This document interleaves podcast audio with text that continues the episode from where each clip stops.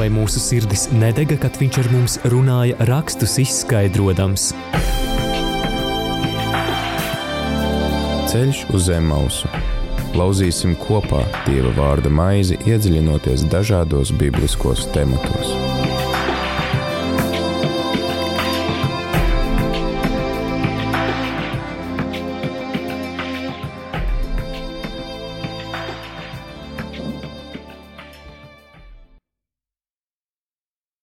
Laiks doties tālāk mūsu svētceļojumā uz Emausu. Mēs lasām izceļošanas grāmatas 23. nodaļu. Visu šo sezonu esam lasījuši šos dramatiskos notikumus, kas norisinās pa ceļam no Eģiptes zemi uz, uz apsolīto zemi, un esam arī nonākuši līdz tādai sadaļai, kur ebrejiem tiek dāvāts likums. Iepriekš mēs runājām par dažādiem likumiem, kas skar žalsirdību, kas skar taisnīgu tiesu, tad šodien mēs lasīsim par svētkiem, par svētku svinēšanu, par sabata ievērošanu, arī ik pēc septiņiem gadiem tādu atpūšanos, un kā ierasts, tad šajā raidījumā mēs neiesim uz Emausu vieni paši. Kopā ar mums ir arī viesis, un tā ir Latvijas Lutera akadēmijas teoloģijas programmas direktore Laila Čakare. Labdien! Labdien! Jā, šodien tad uh, mēs lasam izceļošanas, lasīsim izceļošanas grāmatas 23. nodaļas no 10. līdz 33. pantam, un Tur ir daudz minēts par svētkiem. Varbūt ievadā, pirms mēs sākam lasīt šos pantus, varbūt jūs mums varat iedot kādu tādu atslēgu, kāpēc vispār jūdiem ir tik svarīgi ar, pat ar likumu reglamentēt svētku svinēšanu, jo liekas svētki jau ir tāda lieta, kuru cilvēki ļoti dabiski un spontāni arī labprāt izmanto. Jā, Paldies par jautājumu. Uh, šī nodaļa, 23. nodaļa, un konkrēti arī nosacījumi par svētkiem, ir ietverti plašākā kontekstā. Uh, Dievs slēdz derību ar savu tautu, ar vecās derības Izraēlu.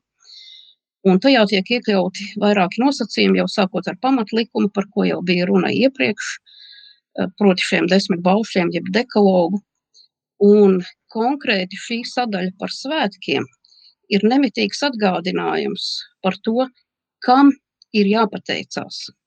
Par to, ka uh, tagad šai Izraēla tautai būs sava zeme, uh, par to, ka viņi tur ir uh, droši nonāks, par to, ka viņiem šajā zemē, ja vien viņi turēsies pie šīs derības, klāsies labi, šie apsolījumi arī ir ietverti. Šajā nodaļā un vēl arī citās vietās vecajā derībā. Eh, bet eh, šie svētki ir tieši tāpēc arī noteikti ar likumu, lai nemitīgi atgādinātu cilvēkiem, ka nevis viņi paši ir tie, kas nodrošina sevi, bet par savu drošību, par savu iztikšanu, par savu pārticību viņiem ir jāpateicas Dievam. Par to tad arī sīkāk runāsim arī par konkrētiem svētkiem runājot. Tad faktiski sanāk, ka svētki vismaz jūdu likumā ir lielā mērā saistīti ar dekologa pirmajiem baušļiem, kas aicina godāt Dievu un, un pateikties viņam par visu, ko mēs esam saņēmuši un atdot viņam godu. Tieši tā. Jā, klausītāji, tad uh, lasam div, izceļošanas grāmatas 23. nodaļas 10. līdz 33 pantu. Aicinu arī tevi tad paņemt rokās svētos rakstus, arī sameklēt mājaslapu bībele.lv vai arī kādu aplikāciju, kur tu vari sameklēt šo rakstu vietu un lasīt kopā ar mums.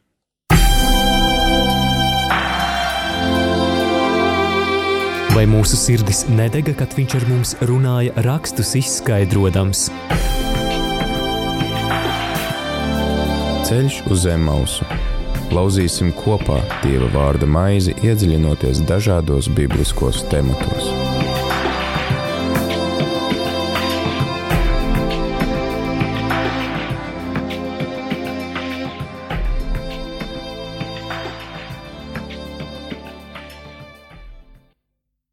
Sešus gadus apsēs savu zemi un ievāc tās ražu.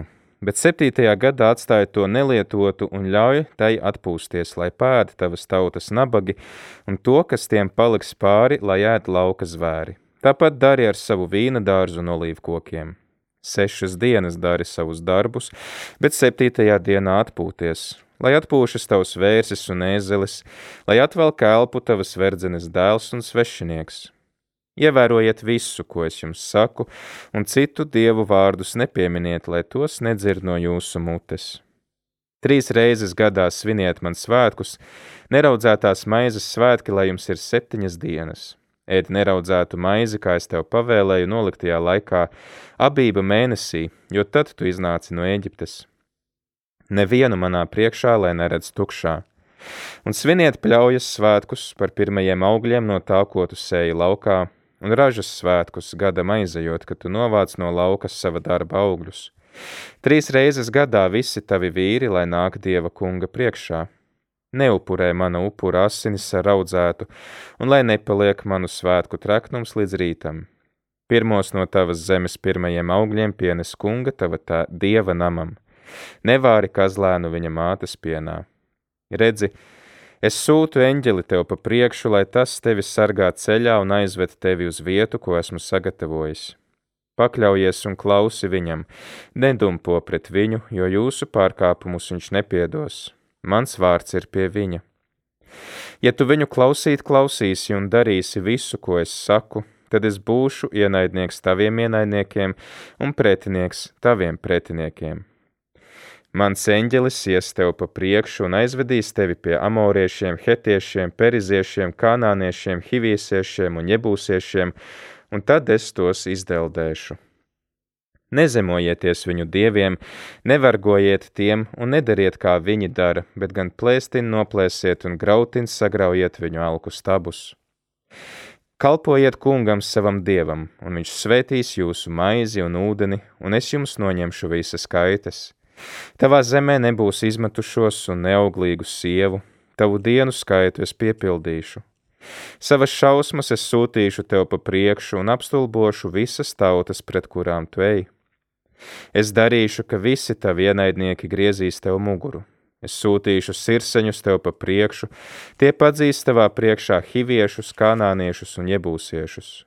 Vienā gadā es nepadzīšu tos tavā priekšā, ka tās zeme netop izdeldēta un tev tur nesavairojas lauka zvēri. Pamazām, pamazām vien es viņus padzīšu tavā priekšā, kamēr tu būsi savairojies un apguvis zemi.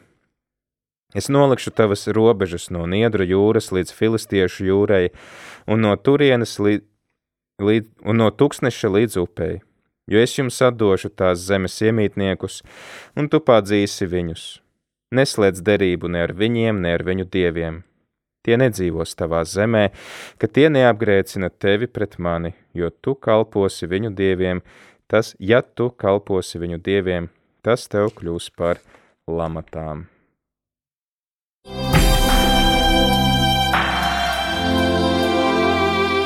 Vai mūsu sirdis nedega, kad viņš ar mums runāja, rakstus izskaidrojams? Ceļš uz zem mausu. Lauzīsim kopā Dieva vārda maizi, iedziļinoties dažādos bibliskos tematos.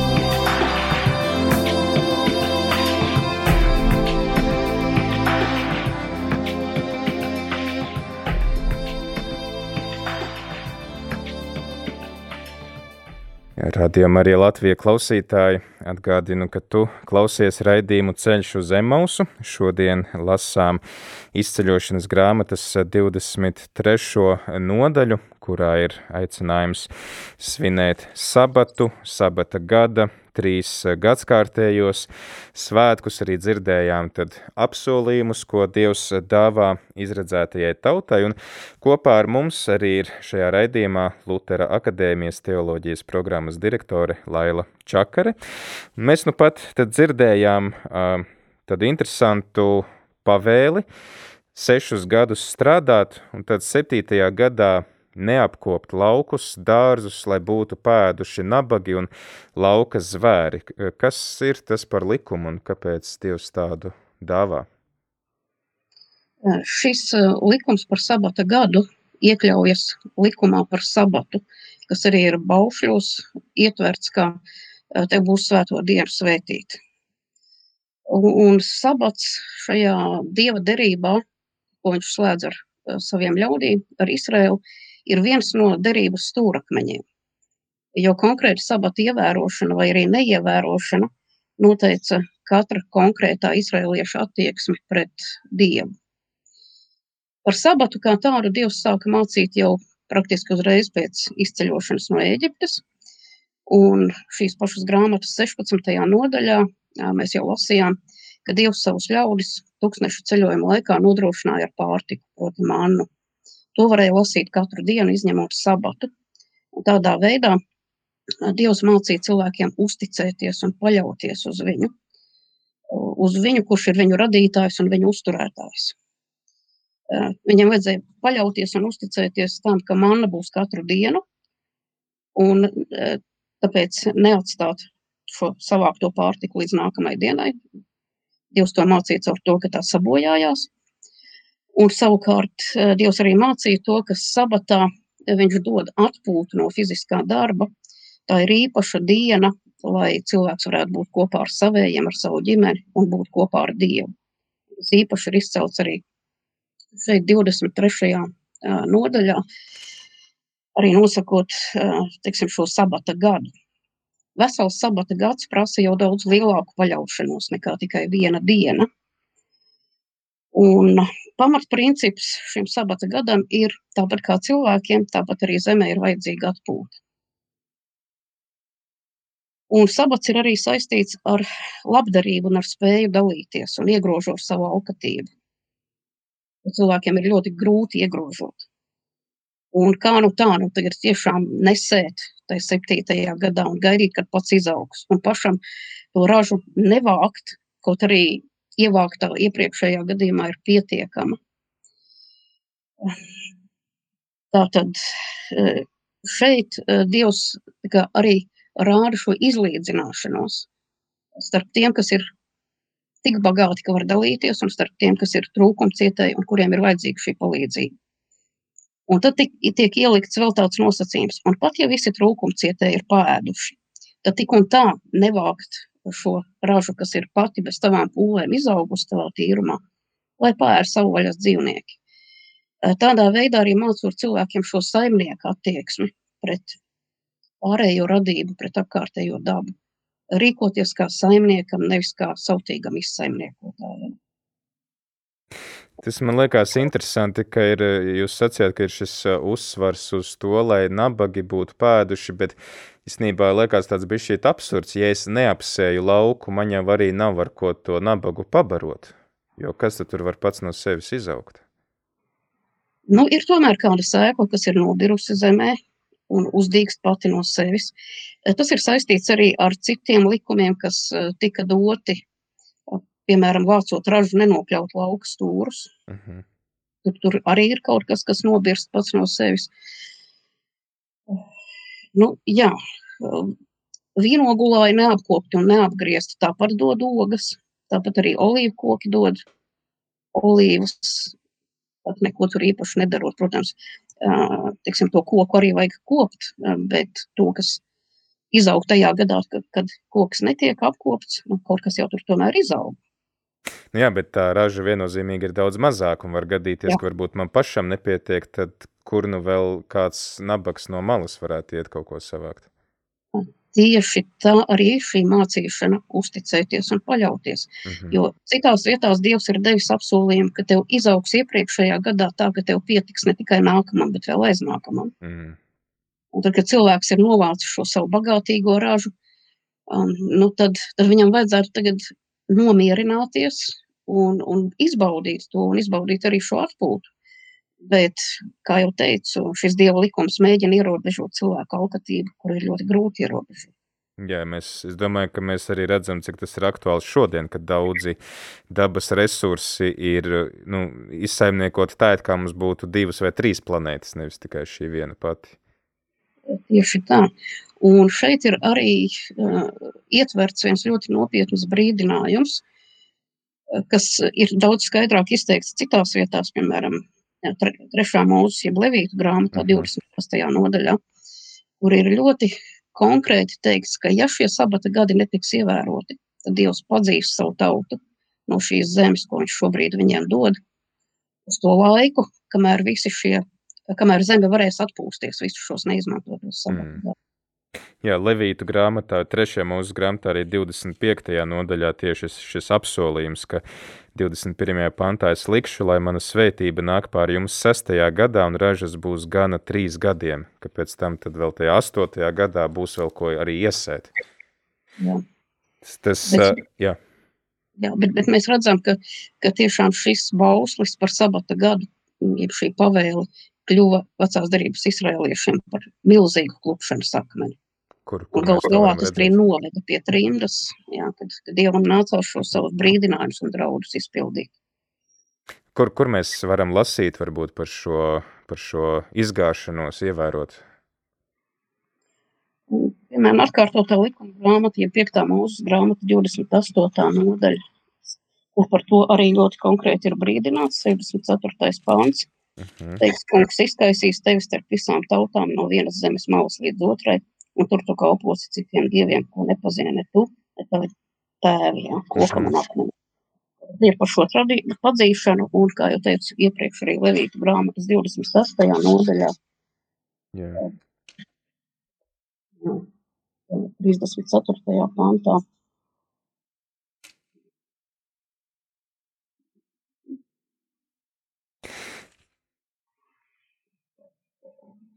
Jā, tad uh, saistībā ar, ar šo šis uh, septītais gads ir arī sasaistīts ar sabata ievērošanu, ka sešas dienas uh, strādās, septītajā atpūšās, un ka interesanti, ka uzreiz pēc tam seko arī pavēli par cita uh, dieva vārda nepieminēšanu, kā jūs arī ievadā sacījāt, cik ļoti Mūzus sasaista uh, šo atpūtu un uzticēšanos dievam, ka lai arī ka tas ir zināmā mērā kā tāda arī nu, pasars, tautas pasargāšana no elgdievības, ka mēs nesākam skriet pakaļ kādiem citiem dieviem.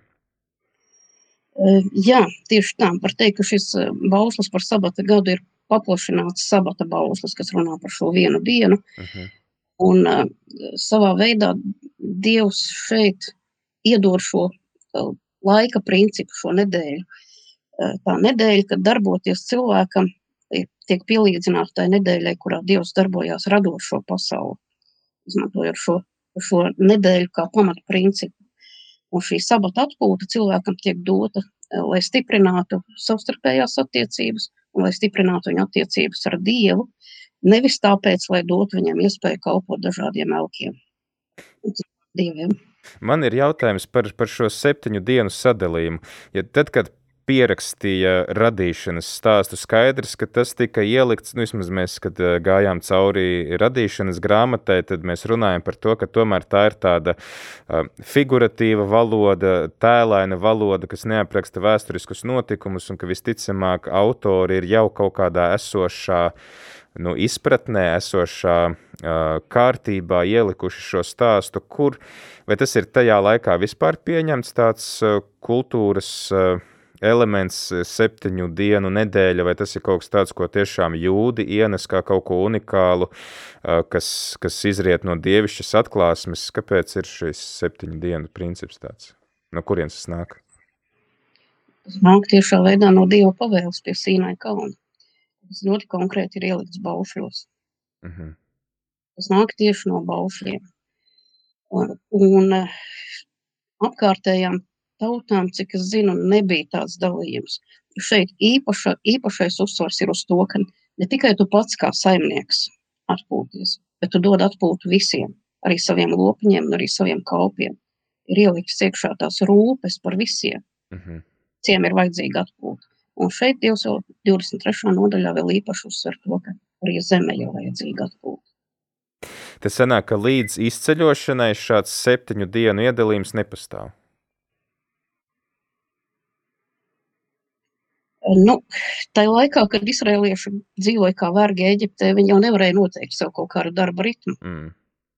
Bet, eh, teiksim, šis vai Jēkabs. ja, Nu, Abrahams vai Jēkabs, nu, grūti pateikt, viņi klejoja kopā ar saviem lopiņiem. Lopiņi ir jābaro un jāslauc katru Skaidrs.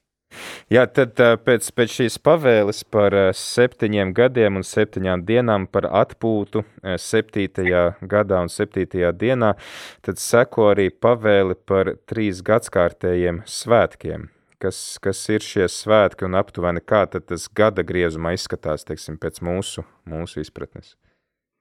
Jā, šie Šī ir pirmā vieta uh, vecajā derībā, kur tiek pieminēti visi trīs šie svētki. Tālāk arī izvērsts uh, svētku apraksts, uh, seko arī Levītu grāmatā, izvērstāks, bet šeit viņi pirmo reizi ir pieminēti visi kopā. Neraudzētās maizes svētki tika svinēti pavasarī, un jūdiem tas arī bija un ir joprojām liturģiskā gada sākums. Uh mhm. -huh kas, eh, teiksim, šai vidusjūras reģionā ir saistīts arī ar pirmo miežu, agrīno miežu pļauju.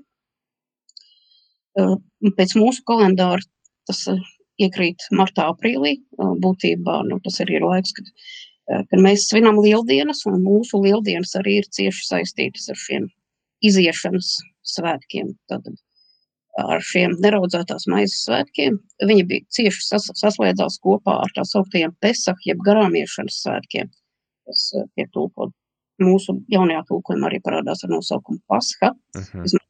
Šo grieķu vārdu, kas ir tikai grieķiska forma no šī paša ebreju vārda, kas nozīmē garām iešanu, pieminot to, kā nāvis eņģelis Ēģiptē gāja garām visiem izrēliešu namiem, uz kuriem bija šī īpašā atzīme, upura jēra atzīme, kad šeit ir cilvēki, kas ir uzklausījuši Dievu, paklausījuši viņam un ir gatavi tagad izceļot ārā no Ēģiptes.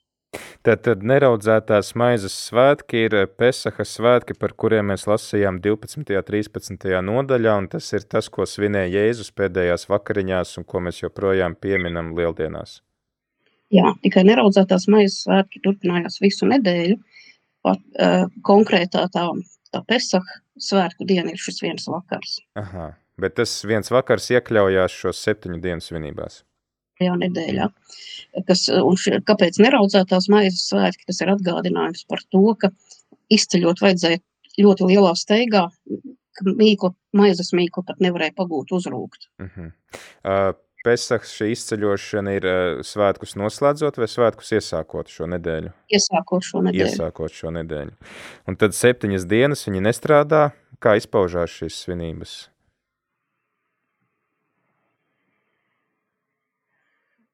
Tātad tur ir šī kopā sanākšana. Nu, viens ir teiksim, šis pats Pesach, kad tiek šis upuri jērs baudīts kopā ģimenē vai draugu lokā.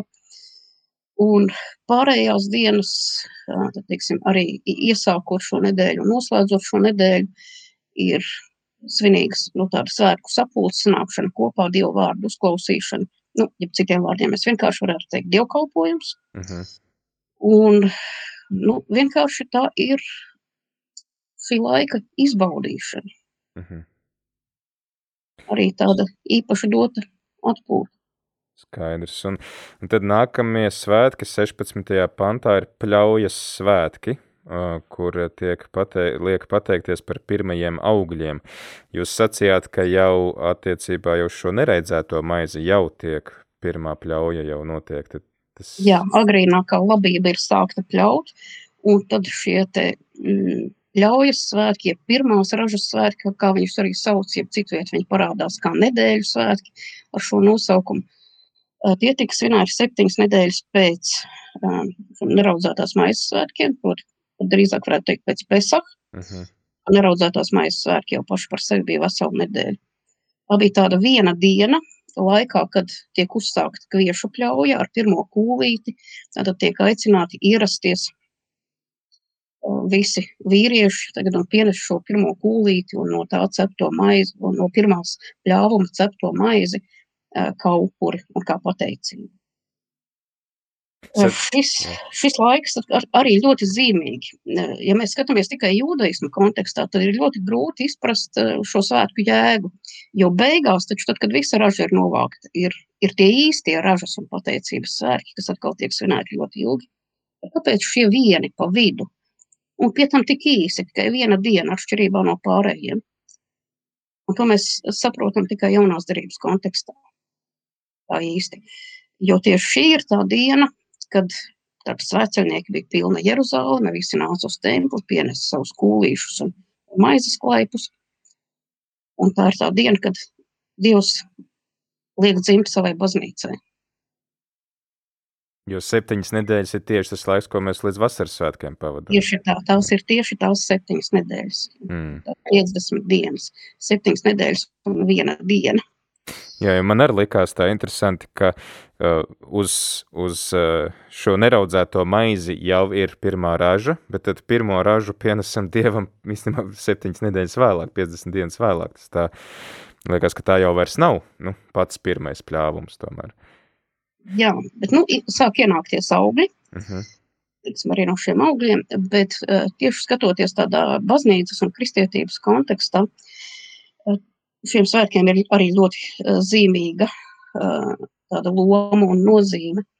Tas ir šī, šī baznīcas dzimšana, ir šis pirmais auglis, Uh -huh. Kristus zināšanas un Kristus kalpošanas pirmais auglis. mm.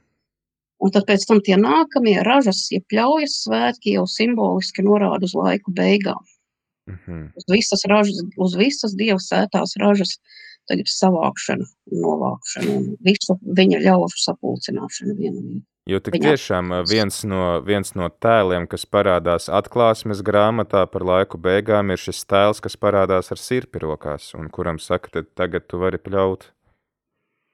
Jā, Jā, un, un, un trešie svētki tad ir, ir uh, trešie svētki. Jā, trešie svētki ir rudenī, kad Jā. visa raža ir novākta. Un savā ziņā tie kaut kādā veidā arī saistās ar mūsu pašu svinētiem pļaujas svētkiem baznīcā, kad mēs pateicamies par ievākto ražu. Tāda pati nozīme bija arī jūdiem, un ir joprojām šiem pļaujas svētkiem. um, Vēl vienīgi tur ir vēl kādas nianses klāts. Tātad šis septītais mēnesis, kad šie svētki tiek svinēti, tas ir septembris, oktobris. No tā ziņā ļoti līdzīgi tāpat kā pie mums. Un šie svētki atkal ir atgādinājums par to, ka par visu ražu ir jāpateicās Dievam. Viņš ir tas, kurš to gādā, viņš ir uzturētājs. Un šis septītais mēnesis, kad, kad arī šie uh, būdiņu svētki, jeb ļaujas svētki tiek svinēti, ir vispār ļoti īpatnējs. Viņš sākas jau ar tauru svētkiem, kas nav obligāti svētceļnieku svētki, tur, tos visi uh, svin turpat uz vietas, kur viņi dzīvo, kas, uh, kas ir šī septītā mēneša pirmajā dienā, un šie tauru svētki ar tauru skaņām iezīmē to, ka tuvojas izlīguma diena. Izlīguma diena, kas varbūt ir tāda, varētu teikt, pats uh, Tauras, jeb piecu mūzes grāmatu centrs, Levītu grāmatas, jeb trešās mūzes grāmatas 16. nodaļa, kas, kas vēsta par šo lielo izlīgumu starp Dievu un viņa tautu katru gadu, kad um, ar noteiktu rituālu tiek pasludināta grēku piedošana um, visiem izrēliešiem, par visiem viņu grēkiem un pārkāpumiem. Un tad um, pēc šīs izlīguma dienas, um, atkal apmēram nedēļu vēlāk, nu, būtībā piecas dienas vēlāk, tad sākas šie pļaujas svētki, ja viņus pazīst arī ar nosaukumu būdeņu svētki. Jūdaismā pieminot atkal šo ceļojumu cauri tuksnesim, kā Dievs gādāja par savu tautu spēja viņu uzturēt pat tuksnesī, kur viņiem pat nebija uh, tāda nopietna māja, bet tikai kaut kādas teltis un, un nojumītas un tādas pajumtītas. Un tāpēc arī jūdzi joprojām, nu, protams, siltākā klimatā to ir vieglāk izdarīt, bet, bet tas ir laiks, šī nedēļa, kad viņi būvē kaut kur ārā šīs nojumītas, tādas vieglas būdiņas, un tad tajās arī šo nedēļu uzturās. Tas būtu, Jā. teiksim, mājas pagalmā, viņš kaut kur uzceļ Jā. būdeņu, kur Vai, nedēļa ar vai, visu vai ģimeni. uz balkona, piemēram, vai pagalmā, jā. Aha. Vai, ja nav iespējams katram savas mājas pagalmā, tad arī sinagogas pagalmos viņi tās um, ceļo tad tur kopā dzīvo.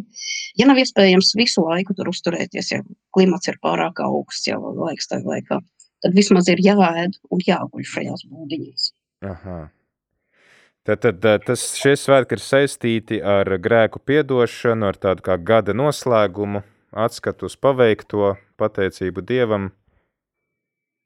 Jā. Skaidrs. Uh, lasot komentārus, es lasīju, ka šie svētki ir saistīti ar svētceļojumu. Tas nozīmē, ka trīs reizes gadā tad šie svētki ir jādodas svinēt uz Jeruzalemi, un tiešām tie ir visi tautas vīrieši, kas burtiski dodas uz Jeruzalemi, vai tomēr ir kaut kādas, jā, kā tas izpaužās, jo man, man ir grūti iedomāties, ka, piemēram, tagad trīs reizes gadā cilvēki dotos uz Aglonu, svinēt obligātos kādus baznīcas svētkus, un atstātu pilnīgi visu mājās, bērnus, sievas, lopus un, un, un visu pārējo.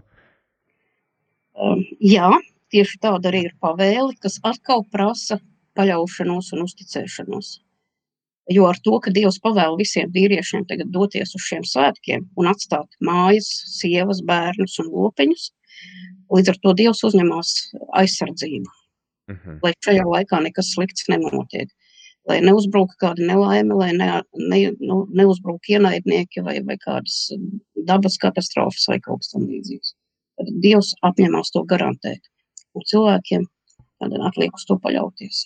Bet tad sanāk, ka Jeruzalem ir bijis jābūt ļoti ietilpīgai pilsētai, lai varētu uzņemt tik daudz svētceļnieku. Tāpēc arī ap Jeruzalemi sāka veidoties jau diezgan agri tā sauktie ciematiņi, uh mhm. -huh. par kuriem mēs arī lasām jaunajā derībā, piemēram, arī tā sauktā Betānija, kur dzīvoja Lācars. Uh mhm. -huh. Cik var noprast, viņi bija ieceļotāji no Galilejas. Uh hmm. -huh kas kaut kādu iemeslu pēc bija tur, turpat pie Jeruzalemes aizķērušies un nebija devušies atpakaļ uz savu Galileju. Un tad, at, attiecīgi, šie svētceļnieki no Galilejas tad arī mēdz apmesties šajā un, un apkārtējos ciematiņos. Tie, kas no citiem novadiem nāca, tiem tad atkal bija savi ciematiņi. Šī Betānija, ja jau mēs par to ierunājāmies, norāda uz to, ka tas bija ciematiņš, kur trūcīgāki ceļotāji apmetās, jo burtiskā tulkojumā šis betānī no ebreju valodas nozīmē nabagu māju. Uh mhm. -huh. Jā, rādījām arī Latviju klausītāji atgādinu, ka kopā ar mums raidījumā ceļš uz Zemausu Lutera akadēmijas teoloģijas programmas direktore Laila Čakare. Šodien sarunājamies par izceļošanas grāmatas 23. nodaļu par svētkiem, ko Dievs aicina svinēt savu tautu, un redzam arī, ka lielā mērā svētku svinēšana ir saistīta ar spēju paļauties uz Dievu, uzticēties, ka Viņš gādā, ka Viņš rūpējas par mums un ka mūs katru sargā. Tagad laiks nelielai pauzei, noklausīsimies dziesmu un tad turpināsim šīs dienas sarunu.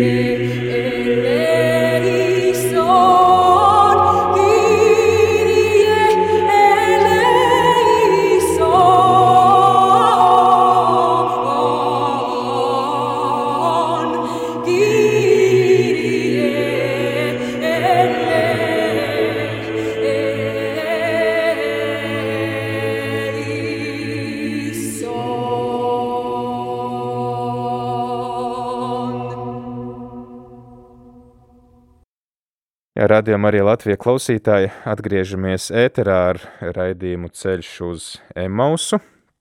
Ar tevi ēterā mēs priesteris Pēteris Skudra un kopā ar mums arī tad Lutera akadēmijas teoloģijas programmas direktore Laila Čakare. Runājam par izceļošanas grāmatas 23. nodaļu. Iepriekš pārunājām gan par uh, sabata gadu, gan par paša sabata ievērošanu, par trim gadskārtējiem svētkiem, kuros uh, visiem vīriešiem bija jāparādās Jeruzalemē un jāsvin šos svētkus Jeruzalemē. Tad šīs nodaļas beigās tiek doti dažādi apsolījumi par šo svētku ievērošanu. Un, Laila, varbūt jūs varētu mums palīdzēt saprast, kā, tad, kā šī iepriekš runāto svētku kontekstā tagad iedarās tas, ka Dievs saka, lūk, es jums dodu eņģeli, kurš jūs pavada un klausiet viņu, tad es būšu ienaidnieks jūsu ienaidniekiem. Jā, būtībā šī noteikumu sadaļa par uh, par visiem šiem sociālajiem likumiem un svētku svinēšanu un citiem, kas bija iepriekš, šeit arī beidzas un tagad tiek dots šis apsolījums. Un vēl mazliet gribētos pakavēties iepriekš pie pāris lietām, Jā. Eh, kur bija teikts, ka uz šiem svētkiem, kad, kad vīri sapulcējās, nevienu manā priekšā lai neredz tukšā. Tad ir jānāk ar savām dāvanām, ar saviem upuriem. Un tā lielā atšķirība savukārt jaunajā derībā ir tā, ka Dievs pats dāvā mums sevi, Kristu. Uh mhm. -huh. Viņš mums pasniedz dāvanu. Ja, ja jūdaismā ja, mēs redzam, ja vecās derības Izrēlā, ikvienam ir jānāk ar savu dāvanu, tad jaunajā derībā Dievs dod mums savu dāvanu. Nepelnīto, nelūgto, neprasīto. Un tad šeit arī pirmo reizi parādās tas uh, dīvainais aizliegums, nevāra kazlēna viņa mātes pienā, kas atkārtojas vēl divas reizes. Vienreiz šai pašā izceļošanas grāmatā, 34. nodaļā, un tad arī 5. mūsu grāmatā, jeb atkārtoto likumu grāmatā. Šī mistiskā frāze, kur ne, netiek nekādi paskaidrota, bet divas reizes tā ir dota saistībā ar upuriem un vienreiz saistībā ar pārtiku. Un šeit tā, tā ir minēta arī tieši jā, teiksim, šis aiz, aiz, aizliegums ir minēts pie ļaujas svētkiem, jā, ja, pie, ja pie tiem ražas novākšanas svētkiem, pie ražas svētkiem, tad arī komentātori norāda uz to, ka tas varētu būt saistīts ar kādiem pagānu auglības rituāliem. Uh mhm. -huh. Un tiek izraelieši brīdināti nepiekopt šādas prakses, vai arī, teiksim, um, tiek mācīta tādā veidā arī līdzcietība un cilvēcība. Proti neizmantot to vielu, ko Dievs ir devis dzīvības uzturēšanai, piena, lai tiksim, nogalinātu kādu. Mm. Izmantot to pretējiem nolūkiem. Jā, es tieši Mūsdienībā tas ir novedis pie, pie ļoti tādas striktas piena un gaļas nošķiršanas. Mm. Teiksim, mm, pienu drīkst lietot tikai pusstundu pēc tam, kad ir gaļas ēdiena ēsti. Teiksim, kaut kādas piena zupas vai kaut kas tāds, kas mums ir ierasts, tad viņiem praktiski nav iespējams tur. Ja tur ir gaļa iekšā, tad Jā. nē. Skaidrs. Skaidrs. Jā, es starp citu ar šo vietu biju piefiksējis, ka tas tāds interesants jautājums, bet uh, cenšoties arī vēl lasīt tālāk, tad palaid garām. Tad uh, iespējams, ka tas sasaistās akal ar to, ko Dievs sacīja 13. pantā, ka lai, lai nesakotu citiem dieviem, lai no, nodalītu šo savu autoritāti no, no citu tautu elgdieviem. Jā, tas noteikti ir, ir viens no aspektiem. Skaidrs. Jā, tad, tad par šo zemes iegūšanu liekas, ka, ja, ja ievēro visus svētkus pareizi, tad Dievs apsola zemi, labklājību zemē, padzen visas tautas. Kas, jā, ka, kas ir tas, ko mēs no tā varam saprast? Nu, tas attiecas ne tikai uz svētkiem. Šie apsolījumi ir doti saistībā ar visu derību. Tātad visu to iepriekš, kas bija sākot jau ar 20. nodaļu, uh mhm. -huh. ar desmit baušļiem. Tad līdz šim brīdim ir iziets cauri visiem šiem eh, noteikumiem un norādījumiem, kas attiecas nu, teikt, uz vienkāršajiem izrēliešiem. Jo tālāk tiek doti noteikumi vēl papildus, kas attiecas uz priesteriem un kas attiecas uz pareizu dievkalpošanu. Uh mhm. -huh. Bet šeit šie noteikumi tiek doti vēl tikai ceļā uz apsolīto zemi. Un tad Dievs jau saka, kad viņš šo zemi dos un kas, kas viss labs tajā zemē būs, ja šī darība no izrēliešu puses tiks ievērota. Un tad par šo eņģeli. te ir viens brīnišķīgs kristoloģisks pasludinājums. Šis eņģelis, ko Dievs dod līdzi, ja mēs to skatām tādā visā vecās derības kontekstā un arī visā izceļošanas kontekstā, ir viņš pats, jeb Kristus pirms iemiesošanās. Tas, tas ir šis vārds malach, ebreju valodā nozīmē eņģelis un arī vēstnesis, līdzīgi kā grieķu valodā. Angelus Mhm. arī ir vēstnesis. Un uz to, ka tas ir um, viņš pats, ja dievišķā otrā persona, uh, norāda, uh, piemēram, uz to norāda, piemēram, Pāvils, apostols Pāvils, pirmā vēstulē korintiešiem, desmitā nodaļā, ceturtā pantā. Viņš saka, ka izējot no Ēģiptes, saka, visi dzēra vienu un to pašu garīgo dzērienu, to viņi dzēra no garīgās klīnas, kas tiem gāja visur līdzi, un tā klīns bija Kristus. Un, un arī šeit, 21. pantā, 23. nodaļā, Dievs saka, tātad dodot šos norādījumus, paļaujies un klausi viņam, nedompo pret viņu, jo jūsu pārkāpumus viņš nepiedos. Un mums ir tulkots, mans vārds ir pie viņa, bet burtiski tur ir teikts, mans vārds ir viņā. Tad tas varētu atsaukties uz Jāņa evaņģēlija prologu. Jā. Mm. Un, un tas jau ir diezgan tieša un nepārprotama norāde uz to, ka šis eņģelis, kas iet līdzi, um, šis sargātājs un šī klīns, no kuras arī dzer izrēlieši savu tūkstnešu ceļojumu laikā, nav vienkārši, ka Dievs tur rāda brīnums un viņiem pēkšņi no kaut kādas klīns tiek dots ūdens. Bet tā ir ar visu savu lielo, dziļo simbolisko jēgu un nozīmi parādās kā klīns, viņš parādās kā šis sargājošais stāsts, viņš parādās kā šis vadītājs ceļā. Jautājums, tas ir tas, ko mēs lasām jaunās derības gaismā, bet kas būtu bijis tas, ko vecās derības cilvēks saprata, viņi saprata to mākoņu stabu, ka tas ir tas eņģelis, kas viņus pavada, vai tas ir Mūzus, kas viņus pavada, vai, vai kas, kas būtu bijis tas, ko tā, tā laika cilvēks būtu sapratis?